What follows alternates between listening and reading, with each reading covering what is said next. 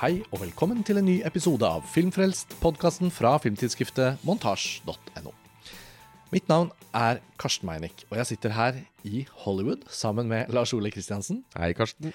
Og det er morgenen etter årets Oscar-utdeling. Eh, og for de som leser montasj og har fulgt med på signalene våre i sosiale medier, så har jo vi nå vært her en eh, knapp uke for å rapportere fra den historiske norske utgaven av årets Oscarsesong. Ved vi har to nominasjoner til Verdens verste menneske og koproduksjoner med norske involverte. Så oppladningen til årets Oscar-utdeling har jo vært eh, litt uvant for oss. Vi pleier jo å se det hjemme eh, natt til mandag.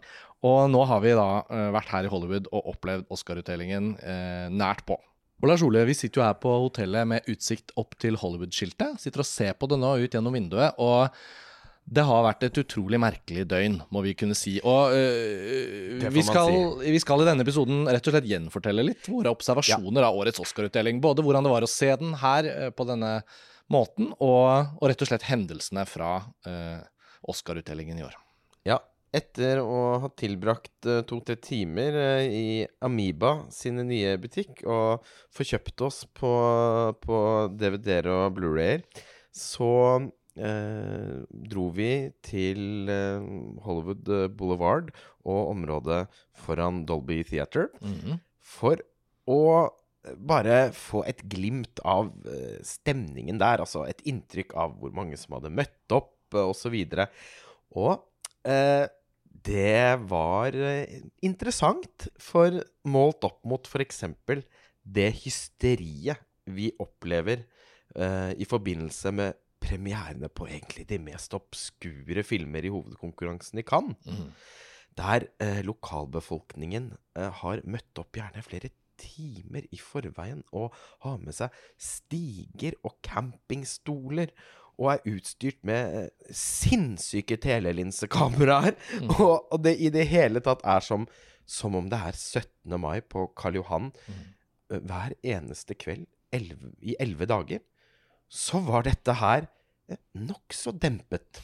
Ja. I LA er man nok vant til at det støtt og stadig er store filmpremierer på Chinese Romance Theater med rød løper og masse kjendiser og så, så, sånn sett så, så, kan jeg forstå at det er litt sånn hverdagskost. Likevel så, eh, så, så, ble jeg nok litt sjokkert over hvor egentlig så stusslig oppmøte med skuelystne var. Man hadde sperret av mange, mange kvartaler av eh, Hollywood Boulevard for å på en måte sikre alle stjernene og bilene som skal Limousinene som skal slippe av stjerner med lang, kjoler med lange slep osv. Men det var uh, mm.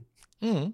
Det var en litt sånn dempet og det, det var det, altså. moderat stemning. Det, men det var kjempeinteressant. Jeg er glad vi gjorde det. Vi visste jo at vi skulle opp til Sunset uh, Strip, hvor hotellet Mondrian skulle hoste da denne Nordic Oscar Week viewing party, som eh, vi og mange av de norske bransjepersonlighetene som er her denne uken, eh, var invitert til. Så ja, vi tok en eh, tidlig start ved å vandre rundt der ved Dolby Theater. Og ja, selv om man faktisk allerede kunne se i det fjerne at det ankom ulike personligheter. De starter jo veldig tidlig med Oscar-utdelingen. Det var en morsom observasjon i og med at man vet jo pga. tidsforskjellen, på en måte, men mm. ettersom vi hjemme alltid opplever Oscar som noe som skjer midt på natten, så var det jo påfallende hvor tidlig på dagen alt startet her. Ja, og at og, sendingen, TV-sendingen startet liksom klokken fem om ettermiddagen. Showet var ferdig sånn i halv ni-tiden på kvelden. Mm. Ja, I all det, verden. Det hadde jeg aldri forestilt meg. Ja, det gjorde det veldig rart og underlig, men det var gøy. Vi skal jo fortelle litt om den opplevelsen, men Men, eh, men vi har jo noen observasjoner å dele også uh, fra uh, på, liksom,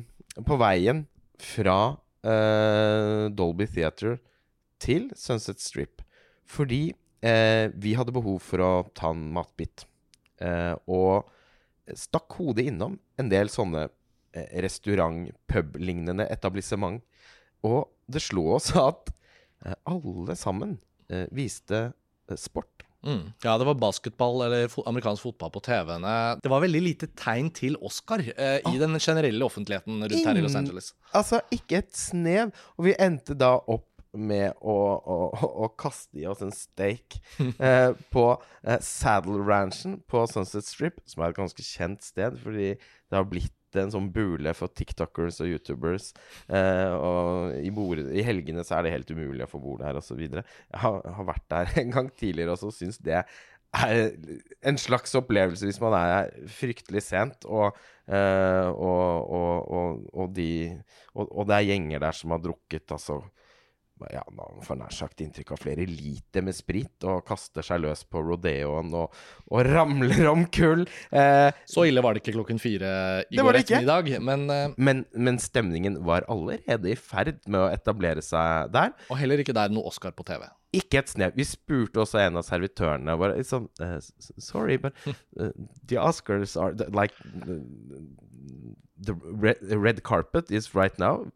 Isn't You're not You're not going to. And now, now it's it's it's it, no. It's sports night. Yeah. Ja, det var påfallende og besynderlig.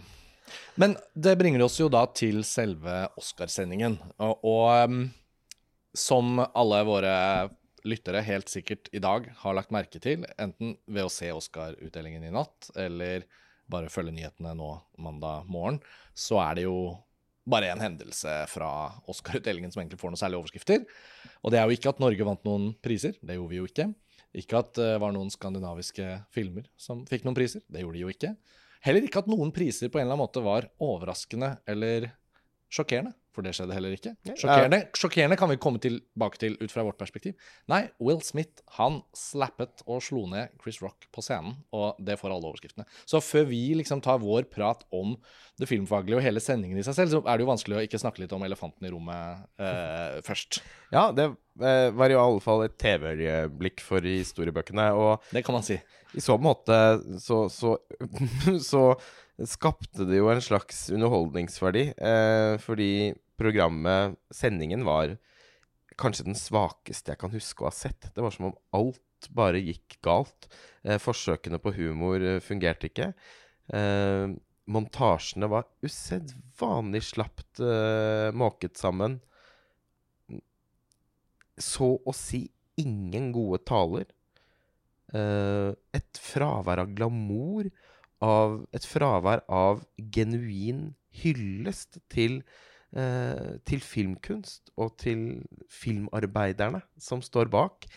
Eh, det var rett og slett ganske jævlig dårlig. Eh, og, og, det var det allerede lenge før uh, ikke sant? Will Smith. Så, så, eh, når det da skjedde noe, mm. så gjorde det jo at man liksom våknet litt, i det minste. Og så må vi jo skyte inn da at da, da vi så uh, Oscar-utdelingen her nå, så var det jo på dette visningsarrangementet uh, iscenesatt av de ulike nordiske Iscenesatt av de ulike nordiske aktørene her. Og eh, det var satt opp to store flatskjermer, det var eh, lyd i rommet, men det var også mye sånn teknisk surr på dette arrangementet. Sånn. Det er jo ikke så mye å si for dere som hører på, men det var en amerikansk sending, ikke sant? Mm. Og vanligvis hjemme så pleier vi å se disse siden det ikke har vært sendt på norsk TV på årevis, da, så er det jo Mange ser det jo på dansk TV2 eller svensk TV4. Og da er det jo gjerne disse reklamepausene hvor ekspertene i studio kommenterer underveis. Det var et av mine første savn. At mm. man liksom ikke fikk den samtalen underveis, litt hjulpet av ekspertene på TV, og som vi ofte gjør oss imellom. Disse ekstremt bråkete amerikanske reklamene som da amerikanerne er vant med, var jo veldig sjokkerende. Og da dette øyeblikket inntraff, så skjønte man jo også at sendingen har en delay i Amerika. Mm. For da det skjedde, så hadde de rukket å mute det. Så i det øyeblikket kom på TV Vi visste jo ikke hva som skjedde så ble det også mutet. Men vi hadde også hatt tekniske problemer på visningsstedet. Så jeg tenkte å, nå skjer det et eller annet teknisk igjen.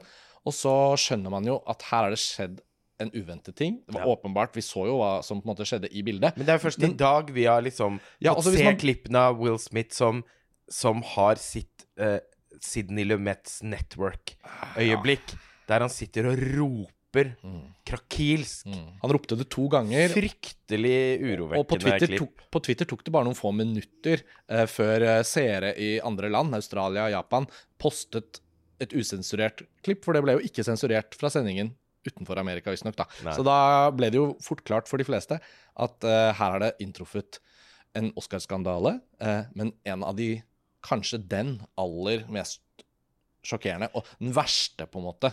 Uh, for den konvolutten med La La Land og Moonlight, det er på en måte sin form for Men det var liksom happy ending, og alle går videre, og det var litt morsomt øyeblikk, på en måte. Ja, ja, ja.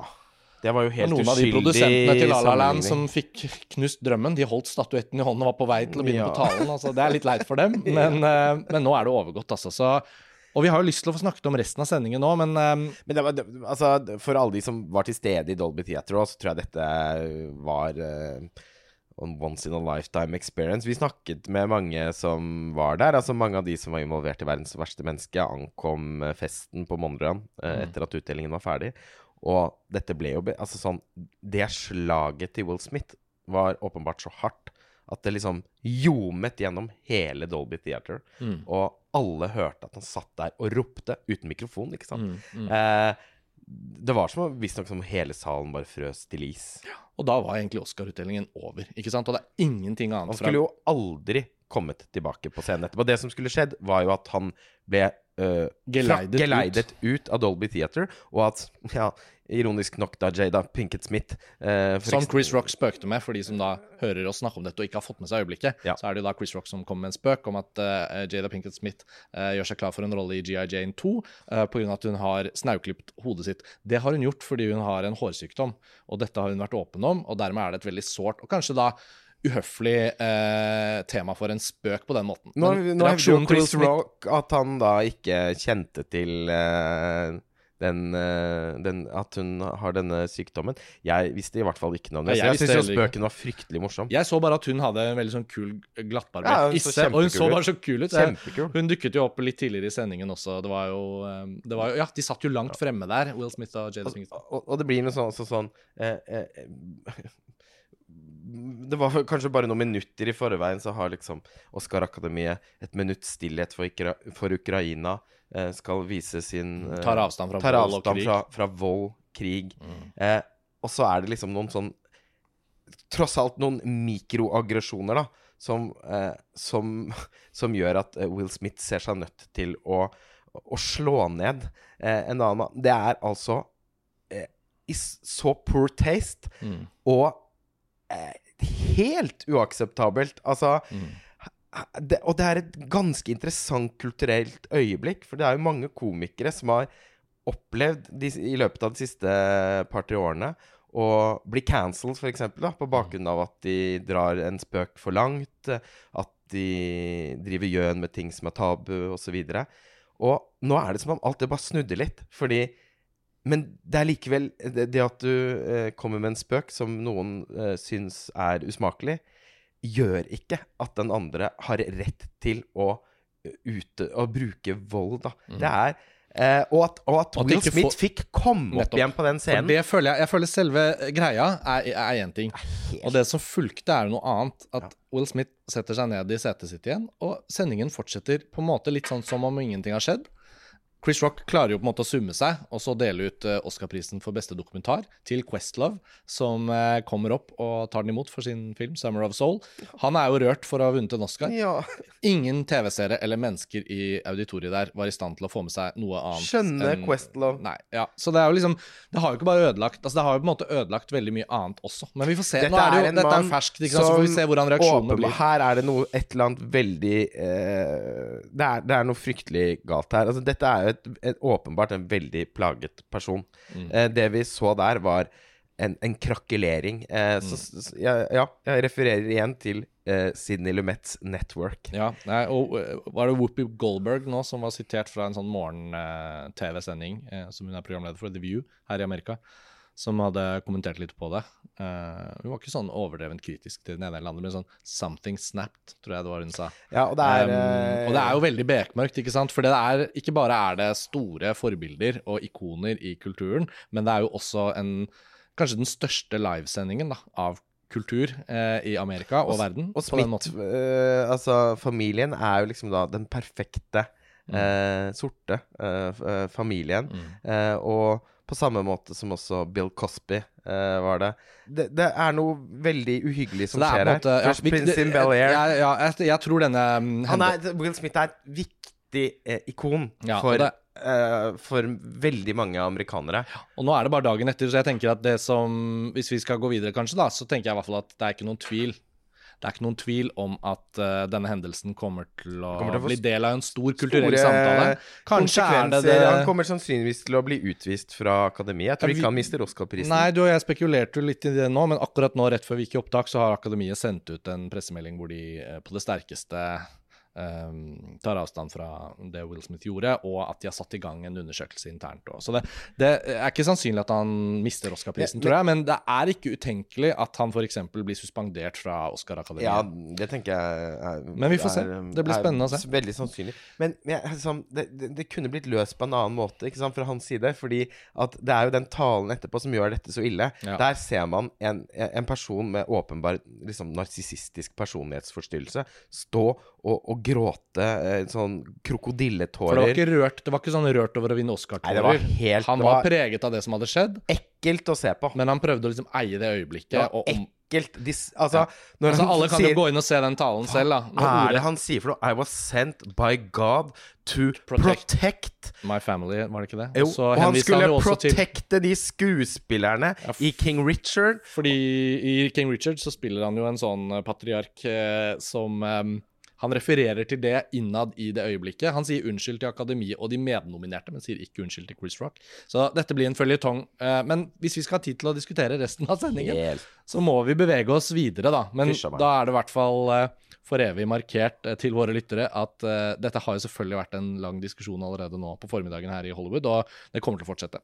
Men det til side, så skyggelegger jo Will Smith sin oppførsel det som allerede var, og etter hvert også ble, en um, En historisk dårlig Oscarsending. ja, og det er jo et, det er jo et filmkulturelt mørke som vi nå ser konturene av når Oscar-utdelingen Ikke engang Oscar-utdelingen greier å feire film på en måte som gjør at man ser det filmåret som har gått, i et prisme av kvalitet og store kunstneriske eh, prestasjoner. Eh, det var så mye med denne Oscarsendingen og de valgene som ble tatt, som på en veldig kjip måte viser oss at eh, det Akademiet vil med Oscar-utdelingen, det vet de ikke lenger.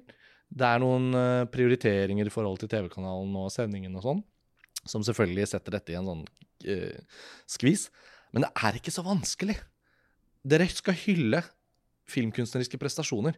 Dere skal vise at filmkulturen betyr noe, og at Hollywood er i stand til å sette store studioproduksjoner side om side med kanskje mindre filmer som har fått til noe utrolig.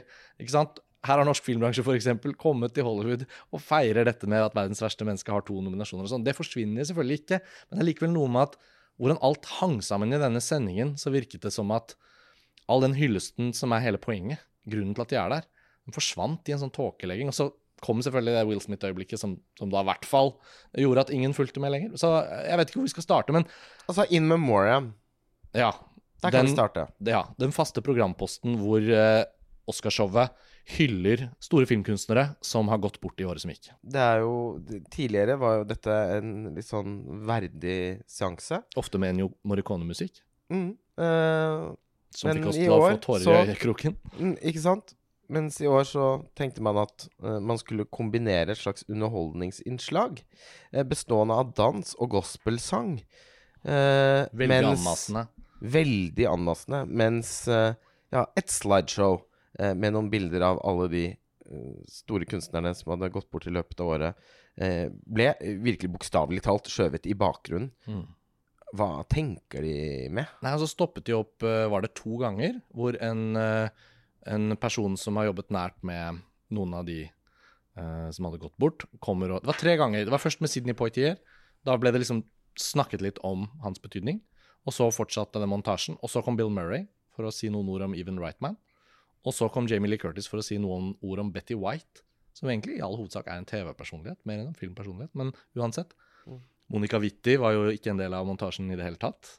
Eh, så det var mange som ble glemt. Det er det jo alltid, selvfølgelig. Men det var jo bare sånn Ja, Det var noe med musikkvalget men det- og det- altså- iscenesettelsen av montasjen i TV-sendingen. Men hvordan er det mulig å glemme Monica Witti? Det er ikke noe som heter det. Nei, Altså, det har nei. jo vært lignende tilfeller tidligere, men det betyr jo ikke at, at det er greit. Altså, eh, her har man jo en organisasjon med helt ufattelige ressurser. Mm. Klarer ikke å sette sammen en, eh, en gruppe researchere som kan sørge for at ingen eh, store navn blir glemt. Jeg er ikke imponert. Nei. Og så eh, Og andre faste ting som Ja. disse programlederne, f.eks. Nå har de jo returnert til å ha programledere.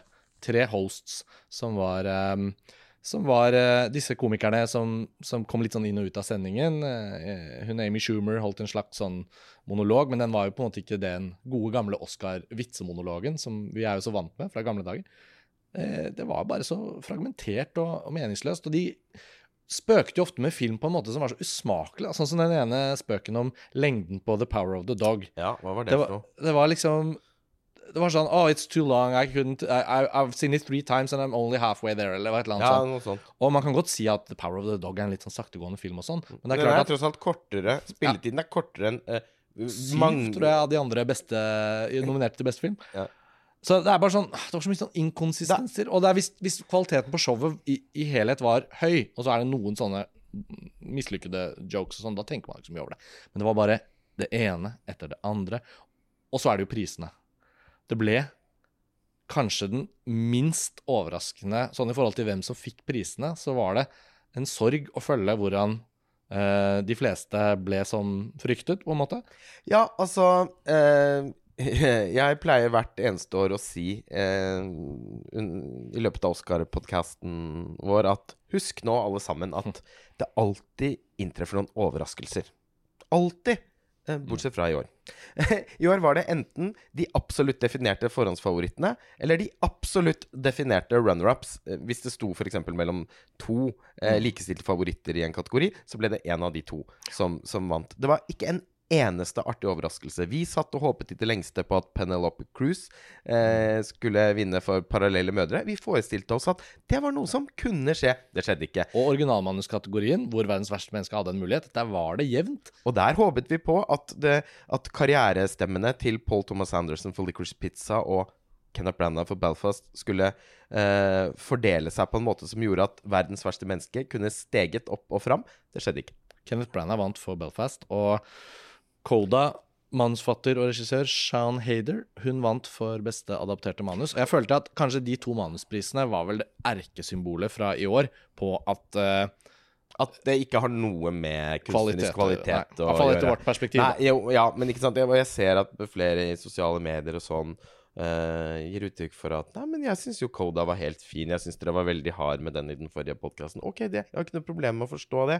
Men vi kan ikke eh, det, det, blir en veldig sånn privat tulleverden, syns jeg, hvis eh, man liksom eh, i det hele tatt skal sitte og diskutere eh, hvorvidt manuset i, i, Koda kanskje er like bra som eller bedre enn manuset til Ryusuke Hamaguchi eh, i Drive My Car. Det, det ene er på en måte en helt sånn spesielt utsøkt skrevet, klok, kompleks film og, det andre er et Ja, i beste fall eh, en, en, en, slags feel good-dramakomedie eh, som i, i all hovedsak appellerer til mennesker som ikke er spesielt filminteresserte.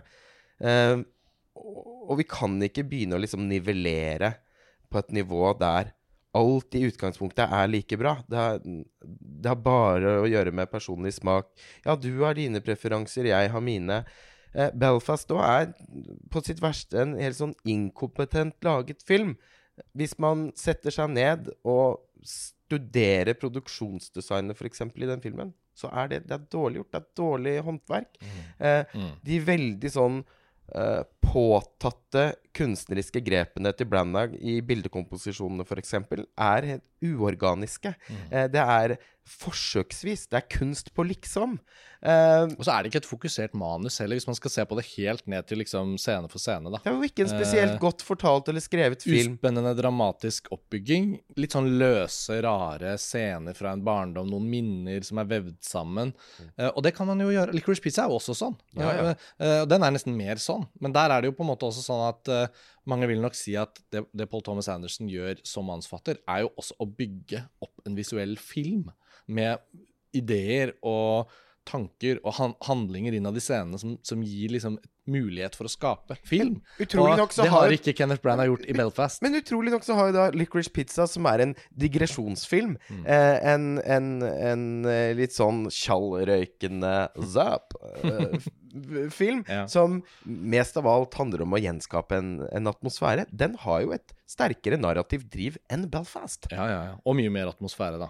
Absolutt. Atmosfære er ikke Kenneth Branaghs eh, styrke. Men det er jo da heller ikke historiefortellingen. Eh, det er jo et, i mine øyne, eh, klumsete manus.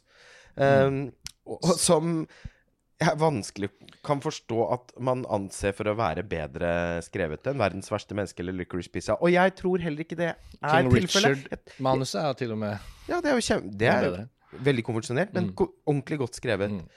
Jeg tror ikke det er sånn at mange av de som stemmer, syns Belfast-manuset er best, eh, sånn rent faglig. Jeg tror de tenker at Belfast er nominert til mange andre priser. Den er ikke favoritt i noen andre kategorier.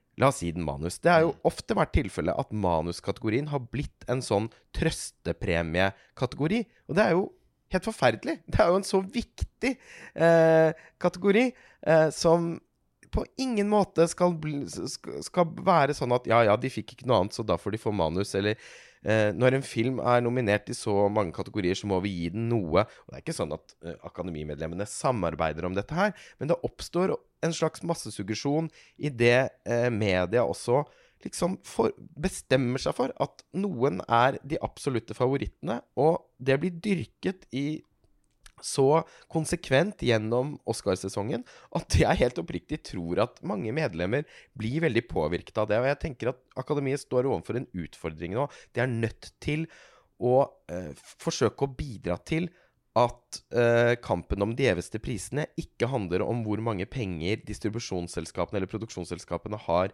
i lommeboka. For nå er vi der at, eh, at de filmene som, eh, som har mest eh, promoteringsmuskler, blir de som vinner fram, og ikke de som egentlig da er de naturlige konsensusfavorittene, som f.eks. West Side Story eh, eller Dune, eh, som jo ble eh, kveldens suverent mestvinnende, film. The Power of the Dog, som er en film jeg egentlig tror at det er ganske delte meninger om, på tross av at den er veldig kritikerrost. Den eh, fikk jo bare én av de tolv prisene den var nominert til. Jane Campion for beste regissør. Og bare det er jo veldig rart. Det er noe som ikke stemmer her. Mm. Eh, Og, og, og Denis Villeneuve Ble ikke nominert for regi, selv om filmen hans vinner, Vinner nesten alle fagprisene. Ja, ja, ja. Nei, Hva- det er Mens Coda, som bare til sammen er nominert til tre priser, og da ikke beste regi, vinner for beste film. Mm. Det, det er noe galt. Og jeg tror det første de skal gjøre, er at de skal gå tilbake og ha fem nominerte i kategorien for beste film, Mm. sånn at det ikke blir for mange eh, sånne slags bonusfilmer som legger seg inn i racet, og som bygger muskler underveis, sånn som Kolda gjør. Jeg tror jo ingen tok for gitt at den skulle bli nominert overhodet, men når den da først blir det, så går, går Apple all in. Og, vi, og det var mange som snakket om at å, eh, Coda is making history tonight. Tja! Altså, eh, da uh, Melly Matlin vant uh, sin svært velfortjente Oscar for 'Children of a Lesser God', så var det Oscar history. Uh, det mest historiske uh, ved at Coda vinner, det er at det er en rett på videofilm. Den har basically ikke hatt kinolansering. Nei, den er Det jo er jo en kjempe Det er jo en sorg. Altså, Eh, se- se- det, er jo noe vi må snakke om og, og ha, Og er ha en- alvorsprat om. Det, ser de, det later ikke til at det er noen som bryr seg om. Og da har omsider strømmetjenestene, alle de, de, de markedskreftene bak, vunnet fram. Og selv om det kunne lyktes bra som et utgangspunkt for en film å være en remake av en fransk film, og ha premiere på Sundance, og bli kjøpt opp av Apple TV så er det likevel sånn at denne indisierekken den klinger ganske dårlig når sluttresultatet er en rett på videofilm. ikke sant? Filmen hadde premiere på den digitale Sundance-festivalen fordi pandemien gjorde at de ikke kunne ha et fysisk arrangement. Og eh, i 2021. Og det betyr at ingen så den på det store lerretet med et stort publikum i en kinosal under festivalen. Apple kjøpte den for ja, cirka, er det noe sånn 25 millioner dollar eller noe sånt? Nå parafraserer jeg, jeg husker ikke eksakt hva den summen var. Og så får den jo premiere på Apple TV+. Det har vært en og annen kinovisning her og der, og det er ikke sånn at den aldri har vært vist på det store Og den ser jo ikke ut som en kinofilm, den ser ut som en ettermiddagsserie. Ikke sant. Jeg skulle frem til det. At det er, eh, det er jo også en film som på en måte funker eh, vel så bra på en iPhone, på en måte. Fordi den er en eh, rett på videofilm. Og, Bedre, tenker jeg. og fordi pandemien har gjort at akademiet har slakket av på de reglene de alltid har dyrket så hardt, Mm. at hvis en strømmetjeneste skal eh, bli vurdert, så må de sette opp filmen på kino før den har strømmepremiere. Og uh, alle de uh, lettelsene under pandemien er også en mulighet nå for Akademiet å stramme det til igjen, pluss gjøre det du foreslo med kategorien. For jeg tror også at eh, hvis Oscar Jeg sier ikke at ikke man skal hylle filmer som er finansiert og eid av strømmetjenester. Det er jo mange eksempler på altså sånn Ta Mank til David Fincher, for eksempel. Eller Mm. det er mange eksempler på at filmskapere får lage stor, bra kinofilm i, under disse produksjonsforholdene. Ja, ja. Men Akademiet er jo en frittstående Og The Power of the Dog, for den organisasjon. saks skyld. Ja, ikke sant? Det er, og det, er- den så jo vi på det store lerretet i Venezia, og den funker. Det er jo en, det er Det jo jo en Det er kinofilm. en kinofilm. Og jeg syns The Power of the Dog er jo, har jo kommet så dårlig ut av uh, prisfordelingen Mm. at det på en måte gir den et lite sånn oppsving i mitt indre. Enig. Føler sånn, Det var uh, ja, det er en film. ufortjent. Ja. Så, men, men en annen ting som jeg Sånn tenker som også man kan ha ulike meninger om. Ja. Men altså eh, man, man kan ikke sette liksom eh, Selv om den nå da kommer fra en strømmetjeneste, ikke sant, Mm. så har den vært lansert på filmfestivalen i Venezia, gått på kino. Åpenbart laget for det store lerretet. Ja, og jeg tenkte, det, det, det siste poenget var at jeg håper i hvert fall lytterne våre er Jeg har veldig god tiltro til filmfrelst-lytterne, og jeg tror de vet hva vi mener. Det handler om hva slags film rent visuelt Coda er. Ikke nødvendigvis om den da ender opp med å bli eid av en strømmetjeneste. Og det samme med Power of the Dog. at Hvordan har Jane Campion lagd den som en film? Eh, Jeg tror vi er alle enige nå og har et veldig pragmatisk forhold til at ok, filmkulturen er blitt sånn, det kommer til å være masse filmer som blir finansiert og vist på strømmetjenester osv. Men det er nå engang sånn at vi har en kinokultur. Og den er de veldig opptatt av her i Hollywood. Mm. Og de store studioene, alle som tjener penger på filmbransjen, vil jo at det skal fortsette å fungere. Når en film går fantastisk bra på kino, da er det ingen bedre profittmargin.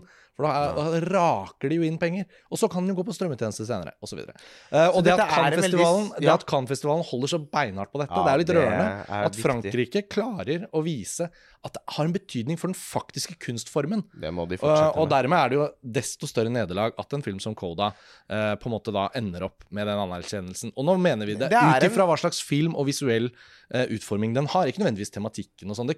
Tematikken kunne jo vært der, og den kunne og vært kan- en bedre film. Og man kan mene hva Altså, man kan Jeg har ikke noe problem med, å forstå at andre har mye større glede av den filmen enn meg. Eh, det handler jo også om personlig smak. Men det er noen eh, elementer ved den filmen som, som gjør at eh, det er problematisk at den, eh, at den vinner. Dette her er en sorgens dag for kinokulturen.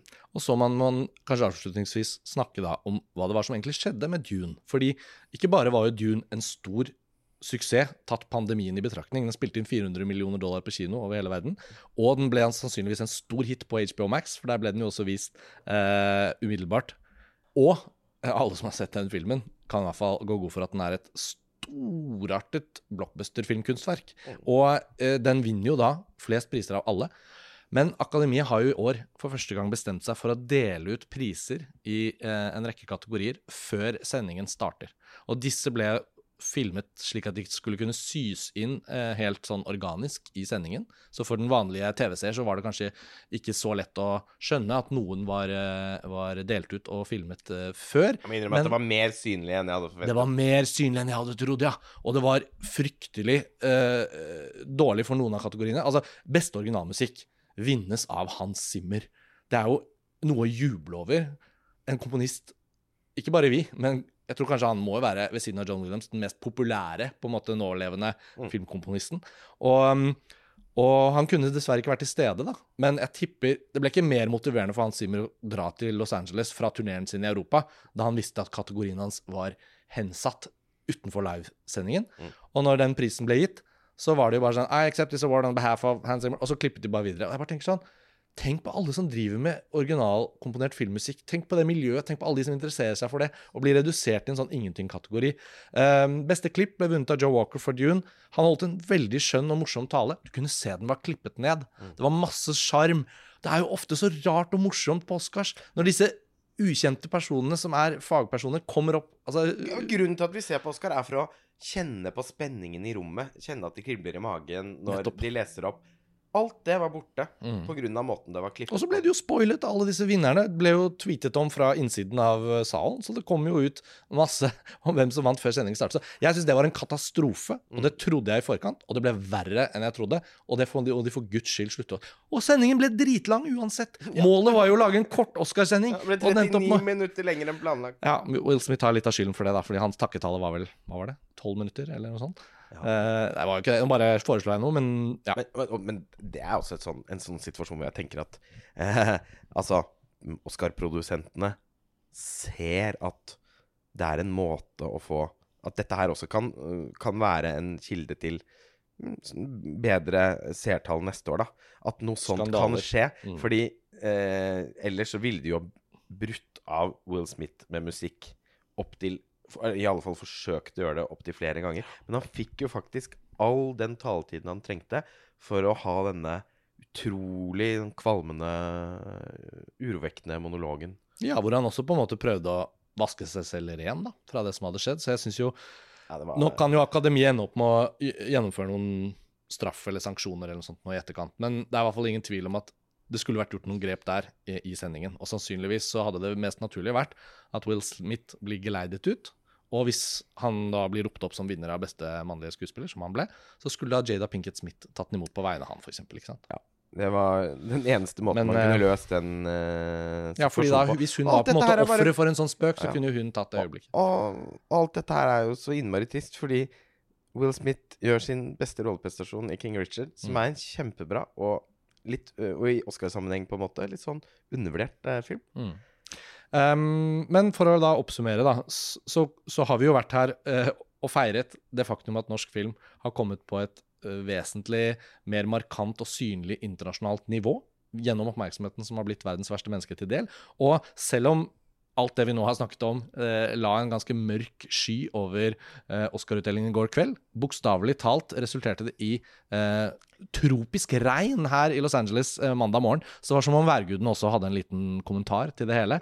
Men eh, vi får i hvert fall uansett håpe da at eh, Joakim Trier, Eskil Fugt, eh, skuespillerne, produsentene, alle de involverte, kan reise hjem nå fra Los Angeles med en god følelse av å ha ikke bare selvfølgelig opplevd noe som kanskje er en enestående hendelse i deres karrierer, eh, men også vært med å sette norsk film på kartet her i Hollywood på en eller annen måte. Det virker som at det, separat fra det vi nå har snakket om, har fungert veldig bra. Eh, og vi har jo en sak ute på montasje hvor vi har snakket med ulike eh, personligheter involvert i dette, og fått noen kommentarer på hvordan eh, verdens verste menneske sin suksess kan gi noen muligheter også for fremtiden. Så vi håper norsk filmbransje har lært noen triks uh, til neste gang en norsk film skulle komme i denne posisjonen. Men Og det er jo viktig å også understreke at vi hadde jo en veldig morsom eh, kveld i går. Mange bra samtaler.